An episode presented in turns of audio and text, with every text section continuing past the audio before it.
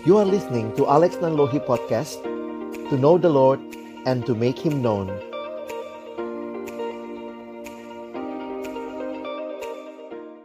Mari sama-sama kita berdoa sebelum kita membaca merenungkan firman Tuhan.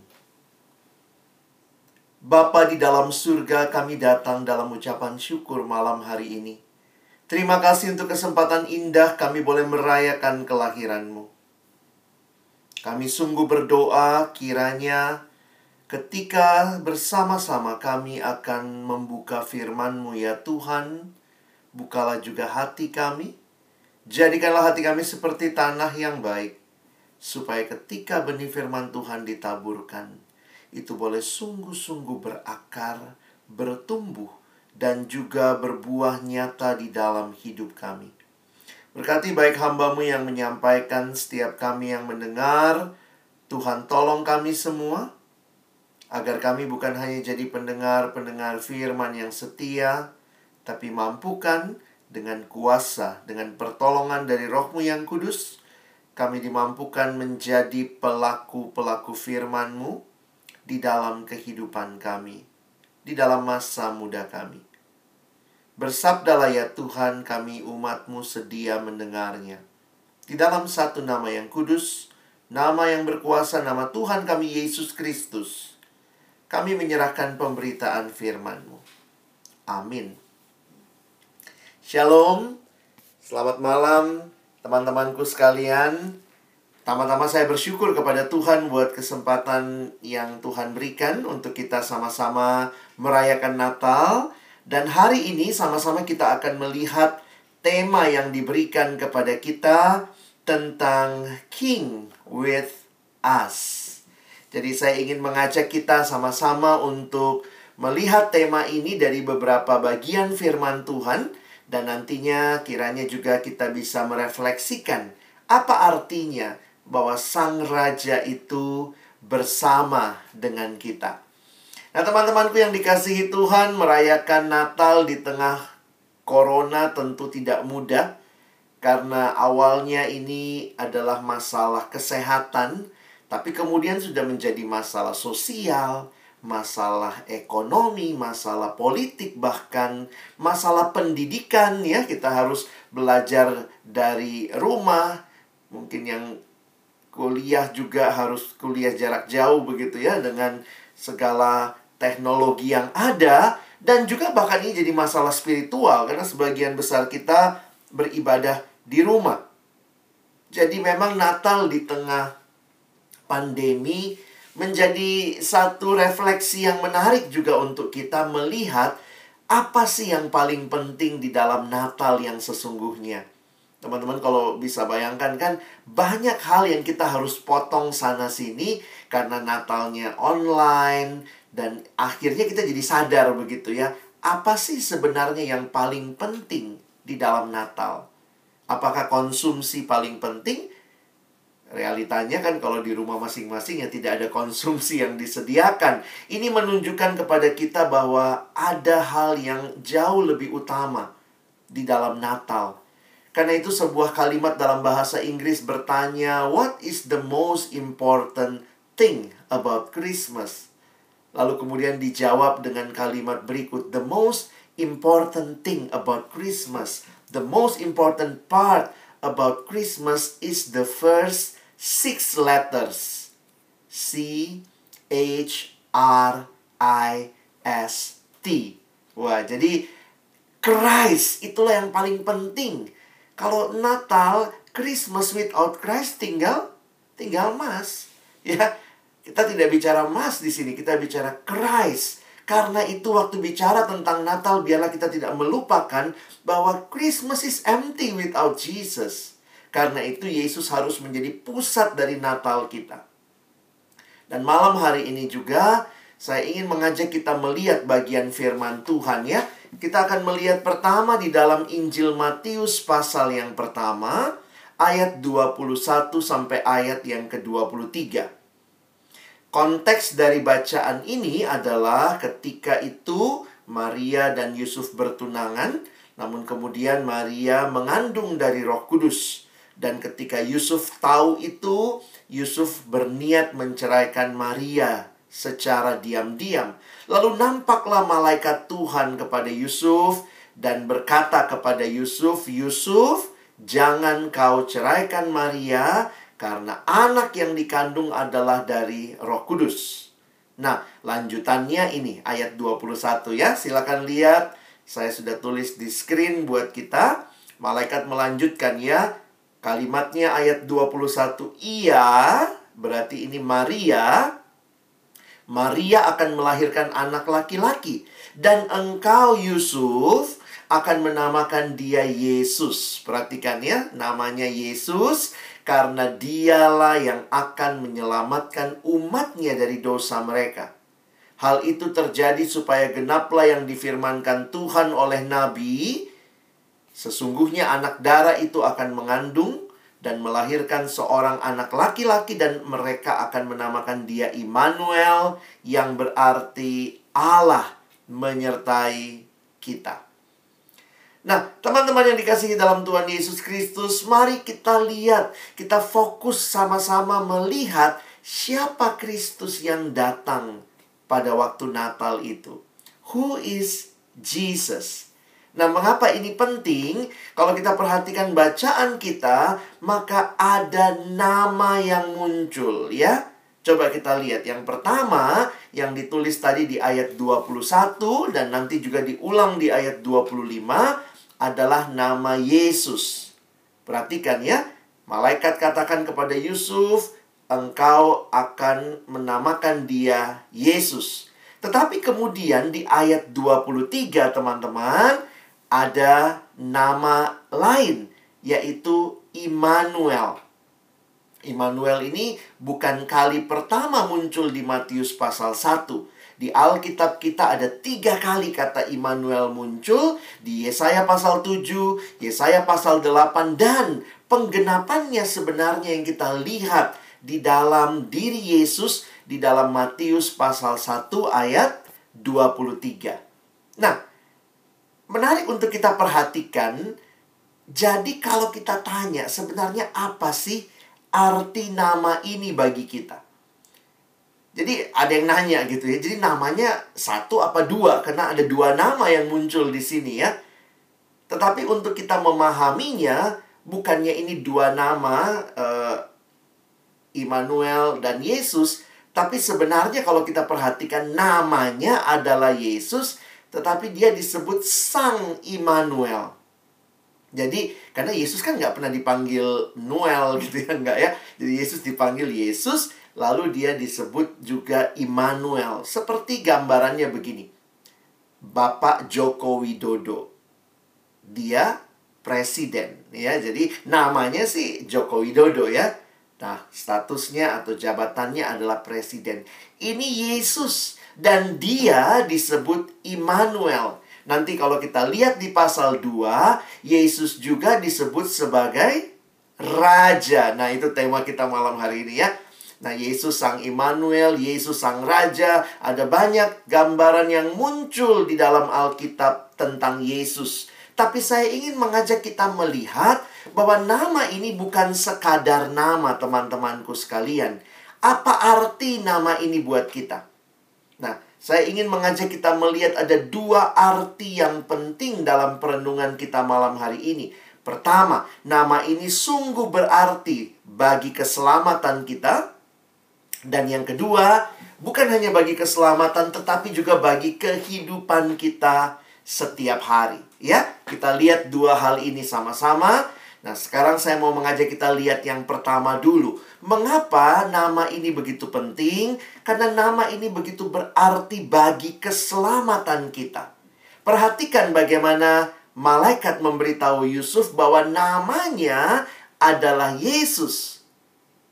Nama Yesus atau dalam bahasa Ibrani Yeshua itu artinya yang menyelamatkan Allah menyelamatkan gitu ya. Dan kalimat ini di dalam Matius dikatakan, dialah yang akan menyelamatkan umat dari dosa. Teman-teman, kenapa nama ini penting? Sampai-sampai kalau kita lihat kelahiran Yesus ketika malaikat datang dan berkata kepada para gembala di Lukas pasal 2, malaikat bilang apa? Ini berita kesukaan besar untuk seluruh bangsa. Bayangkan ada satu berita yang waktu didengar oleh semua orang itu sukacita. Wah, berita apa itu? Ya.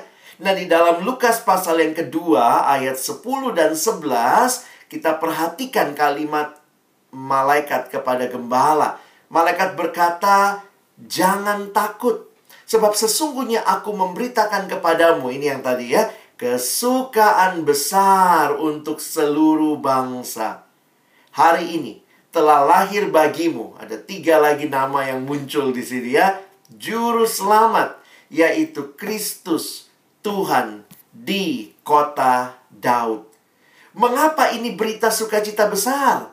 Karena ada juru selamat yang lahir. A Savior was born.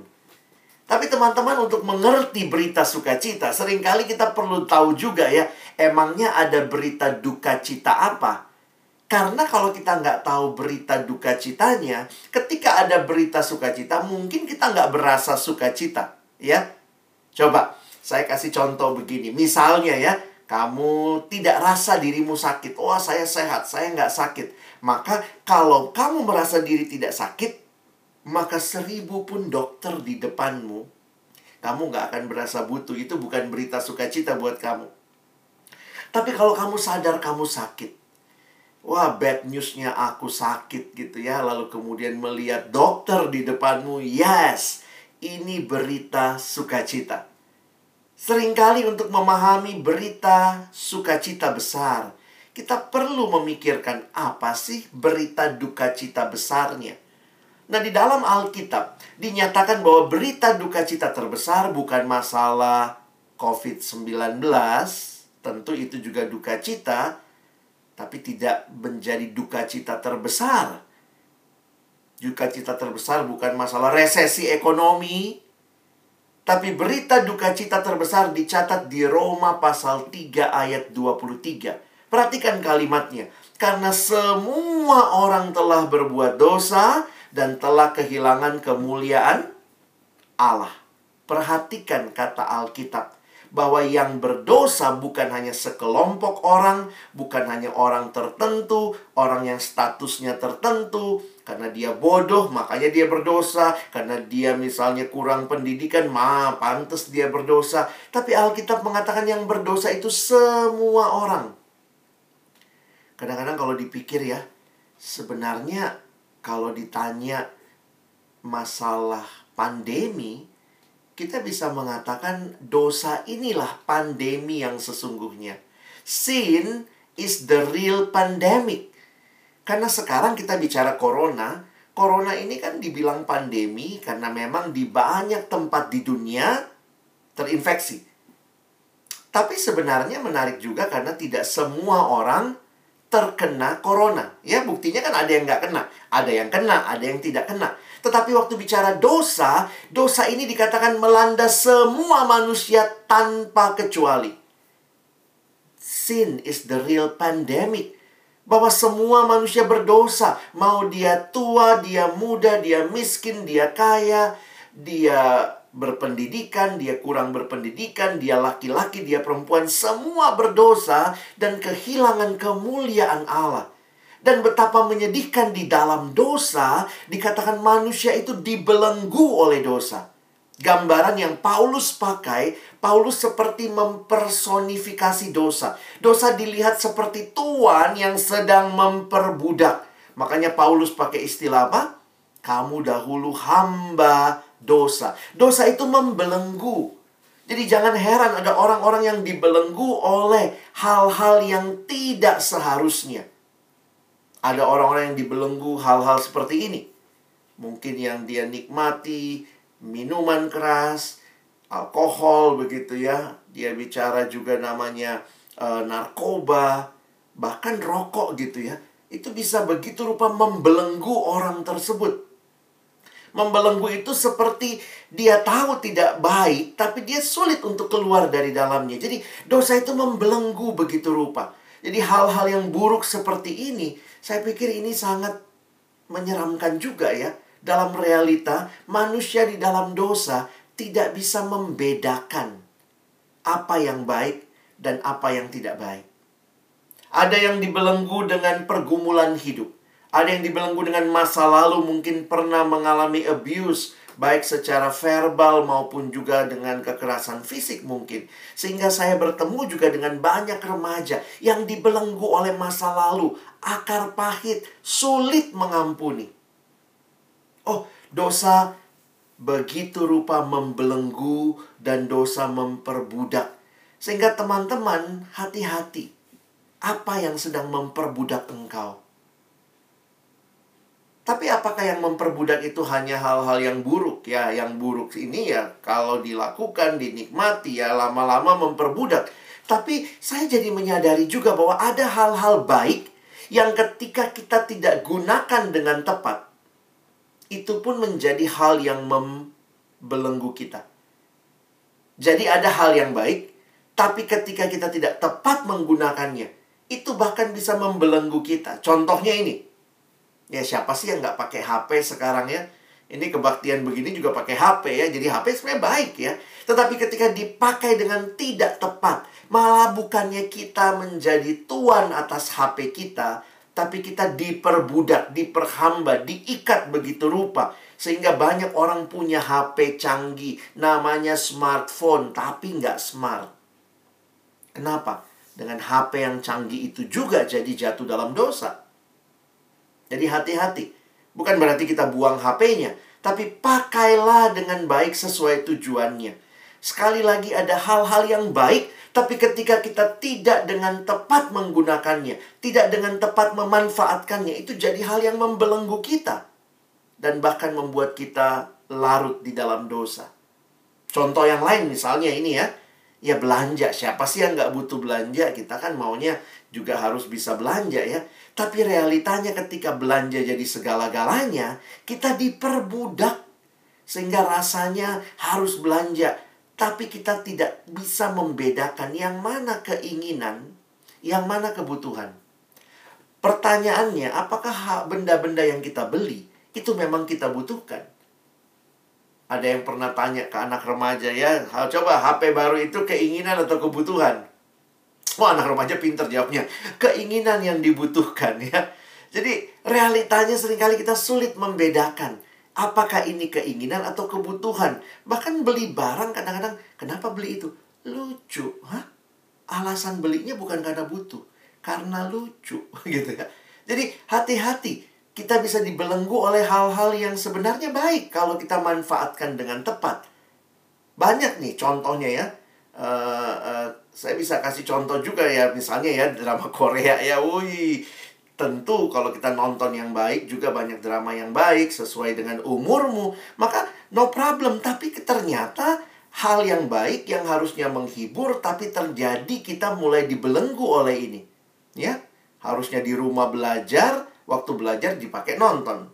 Waktu nonton akhirnya bablas binge watching gitu ya wah nonton terus menerus kayaknya kalau dengan Netflix segala macam itu jadi kayak biasa ya kita nonton episode per episode Bukannya nggak boleh nonton, tapi apakah waktu kita nonton kita bisa mengatur diri kita? Kita bukan jadi hamba daripada film ini, tapi kita menjadi tuan ya.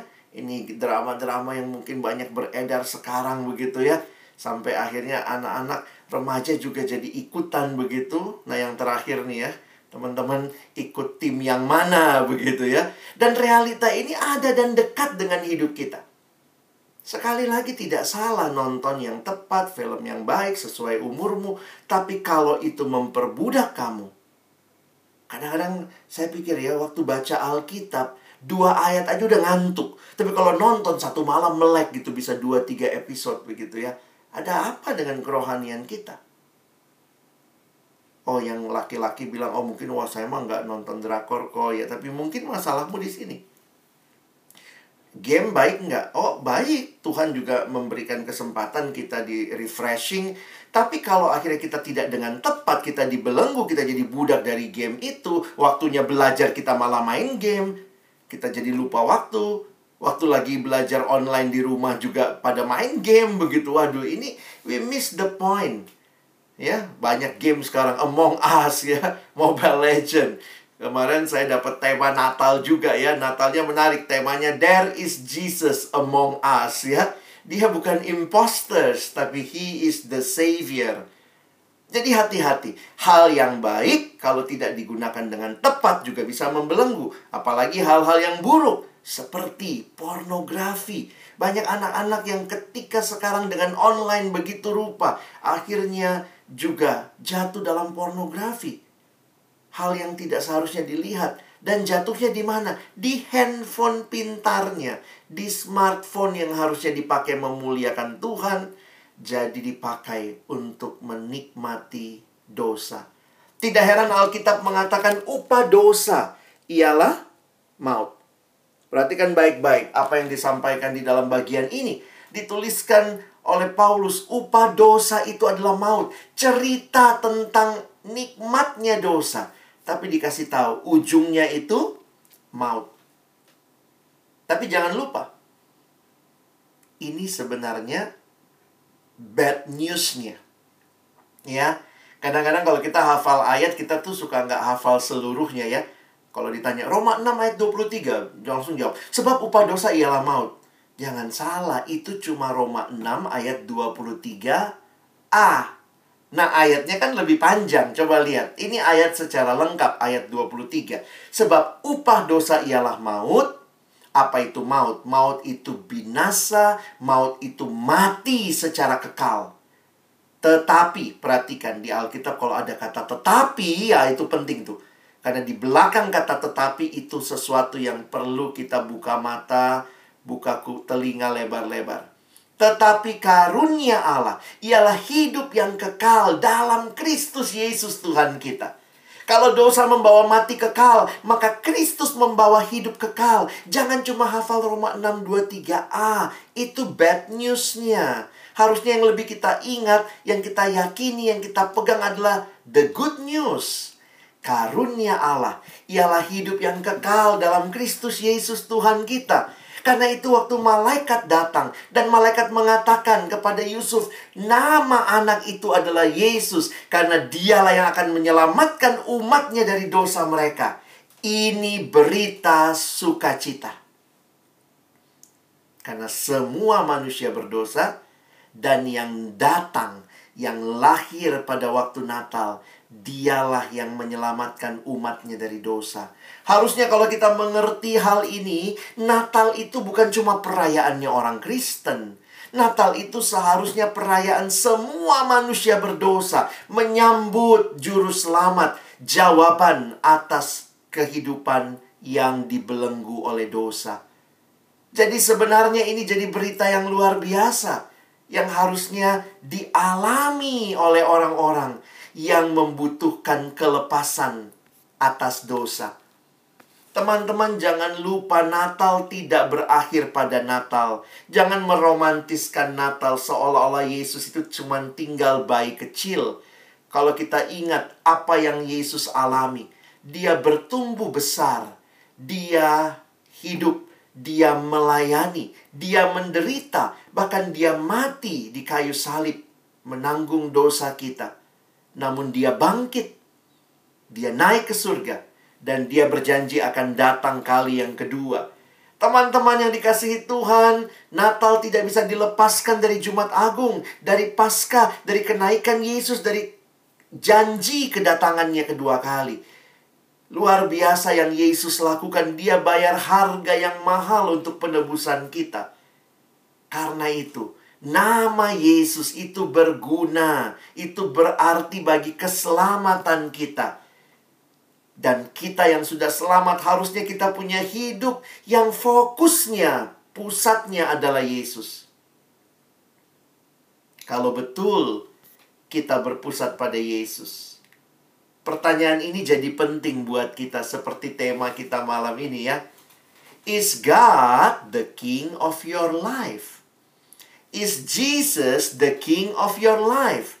Kalau dia menyelamatkan engkau, apakah engkau saat ini fokuskan hidupmu kepadanya bahwa dialah raja dalam hidupmu? Para majus datang dari timur. Mereka bertanya di Matius pasal 2 ayat yang kedua. Di manakah dia raja orang Yahudi? Lihat kalimatnya. Raja orang Yahudi yang baru dilahirkan itu. Kami telah melihat bintangnya di timur dan kami datang untuk menyembah dia. Karena mereka melihat bintang itu. Mereka meyakini itu bintang yang menunjukkan bahwa akan lahir seorang raja. Mereka ikuti bintang itu sampailah mereka ke Yerusalem. Karena mereka menyimpulkan kemungkinan dari nubuat Nabi Bileam dalam kitab bilangan. Mereka menyimpulkan bahwa bintang ini berkaitan dengan Raja Israel. Karena itu mereka datang ke mana? Ke Yerusalem, pusat dari eh, orang-orang uh, Yahudi, orang Israel. Mereka datang, mereka pergi ke istananya Herodes. Nah, mereka tanya pertanyaan ini. Di manakah dia, raja orang Yahudi yang baru dilahirkan itu? Perhatikan respon. Kita lihat ayat 3 ya.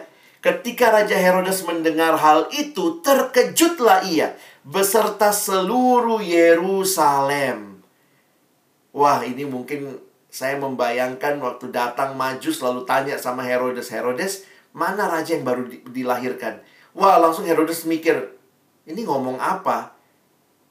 saya masih raja di sini ya. Lalu kemudian mungkin Herodes cek, coba cek istri-istriku, ada nggak yang baru melahirkan? Karena pada waktu itu raja, maka anaknya akan menggantikan jadi raja. Jadi ketika ditanya seperti itu, mana raja yang baru lahir? Herodes pasti satan teman-teman ya. Cek dulu istri-istrinya. Ada yang ada yang baru melahirkan nggak anakku ya? Dan karena itu dikatakan terkejutlah ia. Kata terkejut itu bisa berarti dia gelisah, dia khawatir dan paling paling logis dia terganggu.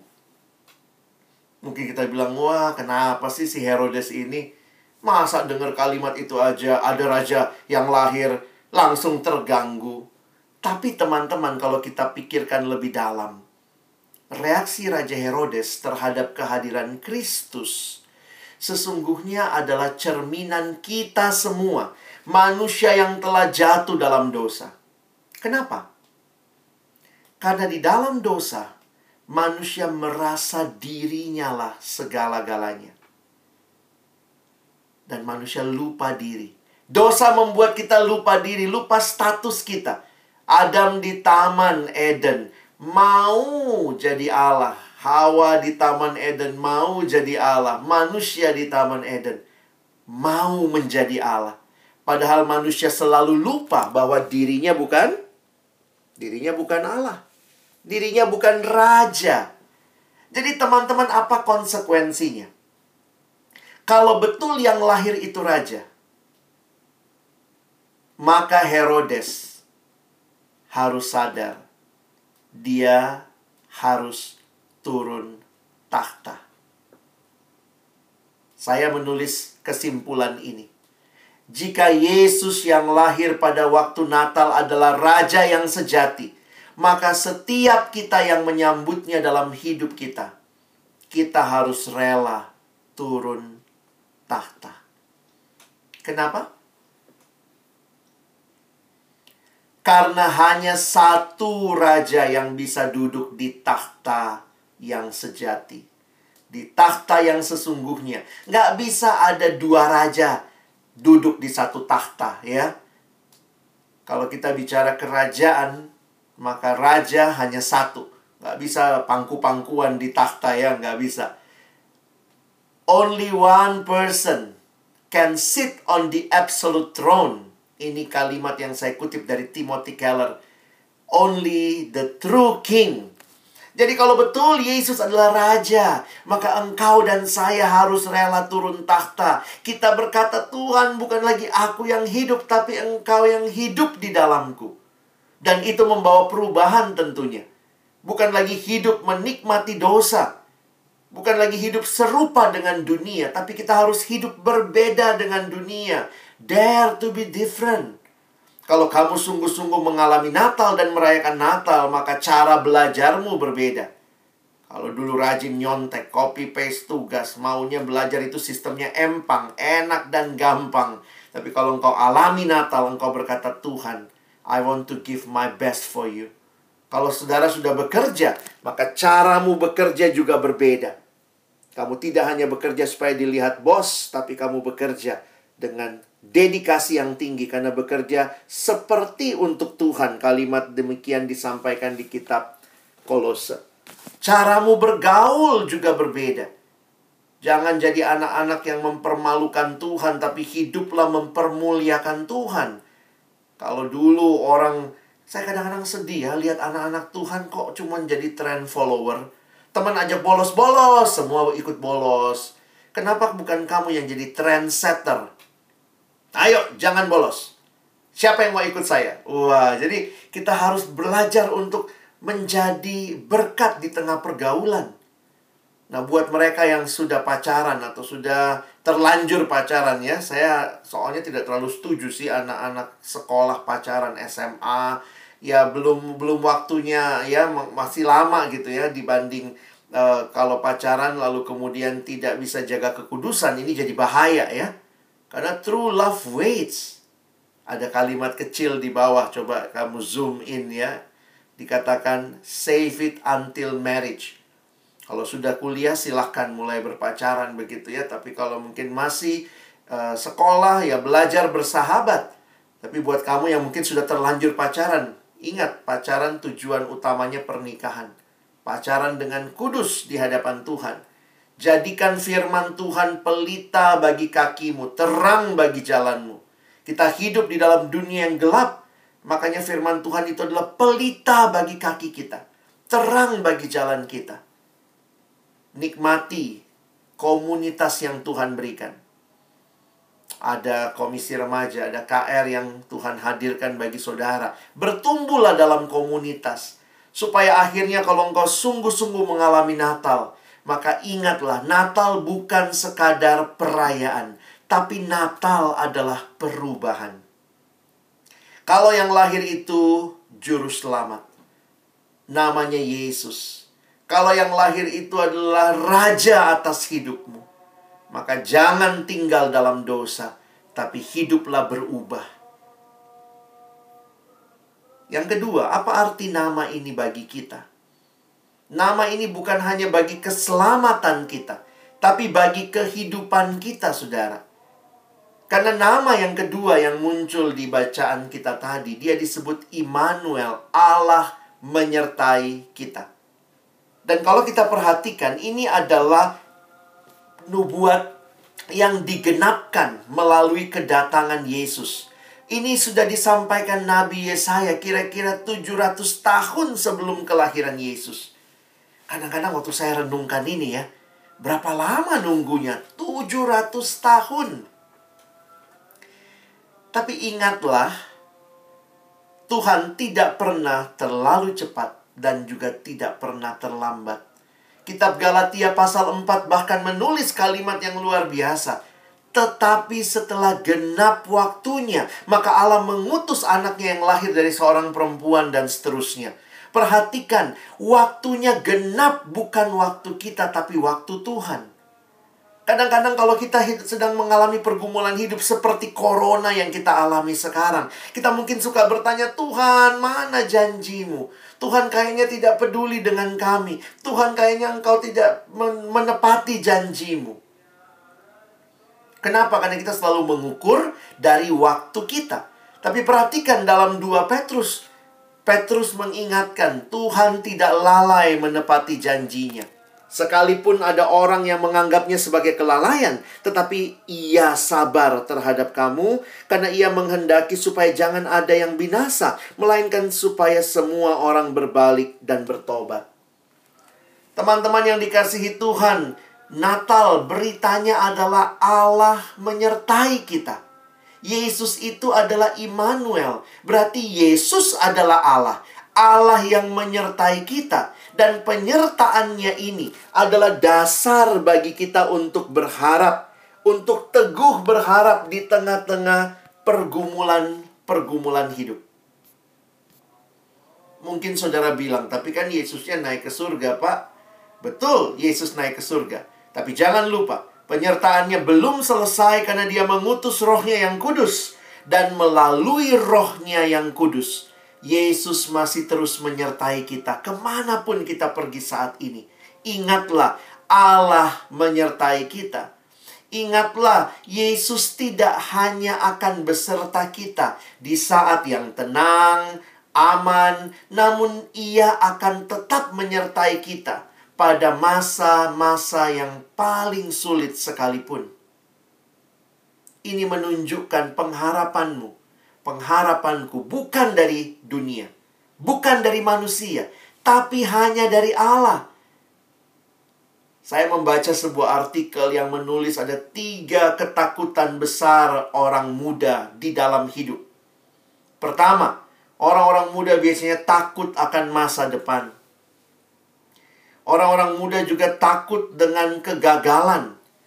Beberapa orang yang sulit dengan belajar jarak jauh PJJ ini, bahkan ada yang terancam nilainya, mungkin juga udah makin sulit kayaknya banyak tugas tapi tidak dikasih penjelasan yang cukup. Beberapa orang kewalahan karena juga bablas main game, bablas nonton jadi nggak bisa belajar dengan baik. Banyak yang mungkin takut dengan kegagalan. Dan juga ini yang sebenarnya lebih banyak dialami adalah ketakutan akan kesepian. Ini generasi yang unik, saudara bisa punya teman ribuan, ratusan, bahkan ribuan ya. Ada ratusan, ada ribuan di medsos. Tapi tetap aja merasa sepi. Merasa lonely. Dan apa yang kita ingat ketika kita merayakan Natal? Bahwa Yesus dia adalah Allah yang menyertai kita. Karena dia menjadi manusia. Lalu apa artinya buat kita? Apa arti nama ini buat kehidupan kita? Teman-teman saya ingatkan bahwa ketika Allah menyertai kita Itu bukan berarti engkau dan saya hidup tanpa pergumulan. Saya pikir kalau kita merasa Tuhan kenapa saya punya pergumulan? Harusnya kalau saya anak Tuhan saya nggak ada pergumulan. Salah. Bukan berarti hidup jadi anak Tuhan Hidup tanpa pergumulan Karena ingat Tuhan tidak pernah janji Bahwa engkau dan saya akan hidup tanpa pergumulan Tanpa masalah Loh, kalau begitu apa dong janji Tuhan? Janji yang Tuhan kasih adalah di tengah pergumulan dan masalahmu, aku berjalan bersama-sama dengan engkau. Tuhan tidak meninggalkan kita. Karena itu ketika engkau dan saya mengalami pergumulan hidup yang berat, yang sulit termasuk karena pandemi ini, ingatlah dia beserta kita. Yang beserta kita itu adalah Allah sendiri. Yang beserta kita adalah Raja, King with us. He walks with us in our struggles. Karena itu teman-teman saya pikir jangan tinggalkan kerohanian. Karena ketika engkau dan saya mengalami pergumulan dalam hidup, Jangan pikir ini cuma basa-basi, disuruh baca Alkitab, disuruh doa. Itu kekuatan kita. Tuhan menyertai kita, dia berjalan bersama kita, dia berikan firman-Nya, dia berikan kesempatan kita boleh beribadah. Itulah kekuatan yang Tuhan sediakan bagi engkau dan saya. Beberapa teman-teman yang mungkin sudah kesulitan dengan belajar jarak jauh, ada yang tanya sama saya, "Kak, gimana ini? Kok gimana saya kesulitan?" Saya bilang berdoa. Hah? Doa? Iya. Tuhan beserta kamu. Karena itu berdoalah, berseru sama Tuhan. Katakan pergumulanmu Tuhan. Aku ngalamin pergumulan ini susah Tuhan. Tolong aku bangkit. Tolong aku bisa atur lagi hidupku. Saya mau belajar memberi yang terbaik di dalam studi saya. Ingatlah yang lahir itu Immanuel. Dia menyertai kita. Apa yang indah dalam hidup, teman-teman? Bagi saya yang indah dalam hidup karena life is a journey with Jesus. Hidup adalah sebuah perjalanan bersama Yesus. Karena itu ingatlah jangan takut. Allah beserta kita. Jangan takut di Alkitab muncul 365 kali. Kata jangan takut, nanti cari sendiri ya. Sehingga seorang penulis mengatakan kayaknya cukup ya sehari satu untuk sepanjang tahun 365 kali. Dan inilah yang harusnya teman-teman ingat. Apa arti nama ini bagi kita? Kita udah lihat namanya Yesus, Sang Immanuel, Yesus, Sang Raja. Ingatlah nama ini. Sungguh berarti bagi keselamatan dan kehidupan kita. Teman-teman, saya mau tutup dengan pertanyaan ini. Lalu bagaimana dong kita merayakan Natal? Kalau the King with us, God with us. Bagaimana kita merayakan Natal? Kita sudah dengar lagunya tadi sebenarnya ya. Joy to the world, the Lord is come. Waktu nyanyi lagu ini dalam salah satu terjemahan bahasa Indonesia, kalimatnya sudah jelas. Hai dunia gembiralah dan sambut rajamu. Di mana sambutnya? Di hatimu terimalah. Let every heart prepare him room. Kalau saudara mau sungguh-sungguh merayakan Natal, maka ingatlah siapkan hatimu untuk apa? Untuk menerima sukacita besar yang dibutuhkan oleh dunia. Christmas is not so much about opening presents as opening our hearts. Natal bukan hanya buka-buka kado, teman-teman ya. Buka hatimu. Terimalah Yesus sebagai satu-satunya Tuhan dan Juru Selamat. Karena itu berguna bagi keselamatan kita, keselamatan hidup yang kekal, dan itu juga berguna bagi hidupmu. Bahwa Dia menyertai kita, kita tidak pernah sendirian. Mengalami, melewati pergumulan-pergumulan hidup, ingatlah, Dia hadir, Dia menyertai, dia memberikan kekuatan bagi kita. Teman-temanku yang dikasihi Tuhan, selamat memasuki Natal 25 Desember 2020 dan siaplah memasuki tahun yang baru. Tahun 2021 karena the king with us. Dia memerintah hidupmu dan hiduplah dengan keyakinan dengan tidak takut hadapi tahun ke depan bersama dengan Tuhan. Sebelum saya tutup dalam doa, izinkan saya bertanya. Adakah di antara teman-temanku setelah mendengar firman Tuhan hari ini, kau mau buka hatimu, menerima Yesus sebagai satu-satunya Tuhan dan Juru Selamat? Maukah engkau buka hatimu untuk menerima kado terindah dari Allah pada waktu Natal, yaitu anaknya sendiri. Namanya Yesus. Dia Sang Immanuel. Dia Sang Raja. Maukah engkau buka hatimu terima dia? Jika ada adik-adikku, teman-temanku yang saat ini di tempatmu masing-masing, jika engkau mau buka hati terima Yesus, izinkan saya untuk berdoa bagi keputusanmu. Pada waktu kita semua tenang di hadapan Tuhan, kalau engkau mau buka hatimu, menerima Dia, saya ajak kau taruh tangan kananmu di dadamu, dan saya akan berdoa bagi saudara. Silahkan jika saudara mau buka hatimu terima Yesus taruh tangan kananmu di dada. Saya berdoa bagi keputusan saudara. Mari kita berdoa. Kami telah mendengar firman-Mu dan kami bersyukur. Dan jika ada di antara kami yang hari ini mengambil respon, membuka hati di hadapan Tuhan Yesus. Kami berdoa Tuhan, berkuasalah, memerintahlah di hidupku. Kalau engkau rajaku, raja yang menyertai aku, berarti aku harus turun takhta. Bukan lagi aku yang memerintah dalam hidup ini, tapi engkau rajaku, berkuasa dan memerintahlah dalam hidupku. Karena itu ya Tuhan hamba menyerahkan adik-adikku, teman-temanku, Yang membuka hati terima Yesus hari ini teguhkan keputusan mereka. Mereka milikmu ya Tuhan. Biarlah mereka boleh hidup bagimu. Hidup menyenangkan engkau dalam masa muda mereka. Menjadi masa muda yang di dalamnya mereka tahu siapa juru selamatnya. Dan mereka tahu bagaimana menjalani hidup ini. Karena ada Yesus yang berjalan menyertai dan tidak pernah meninggalkan kami.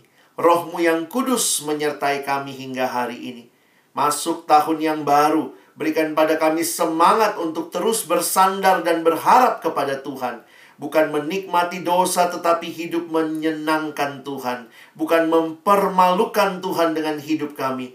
Tapi mempermuliakan Engkau di dalam hidup kami. Tuhan dengarkan doa kami.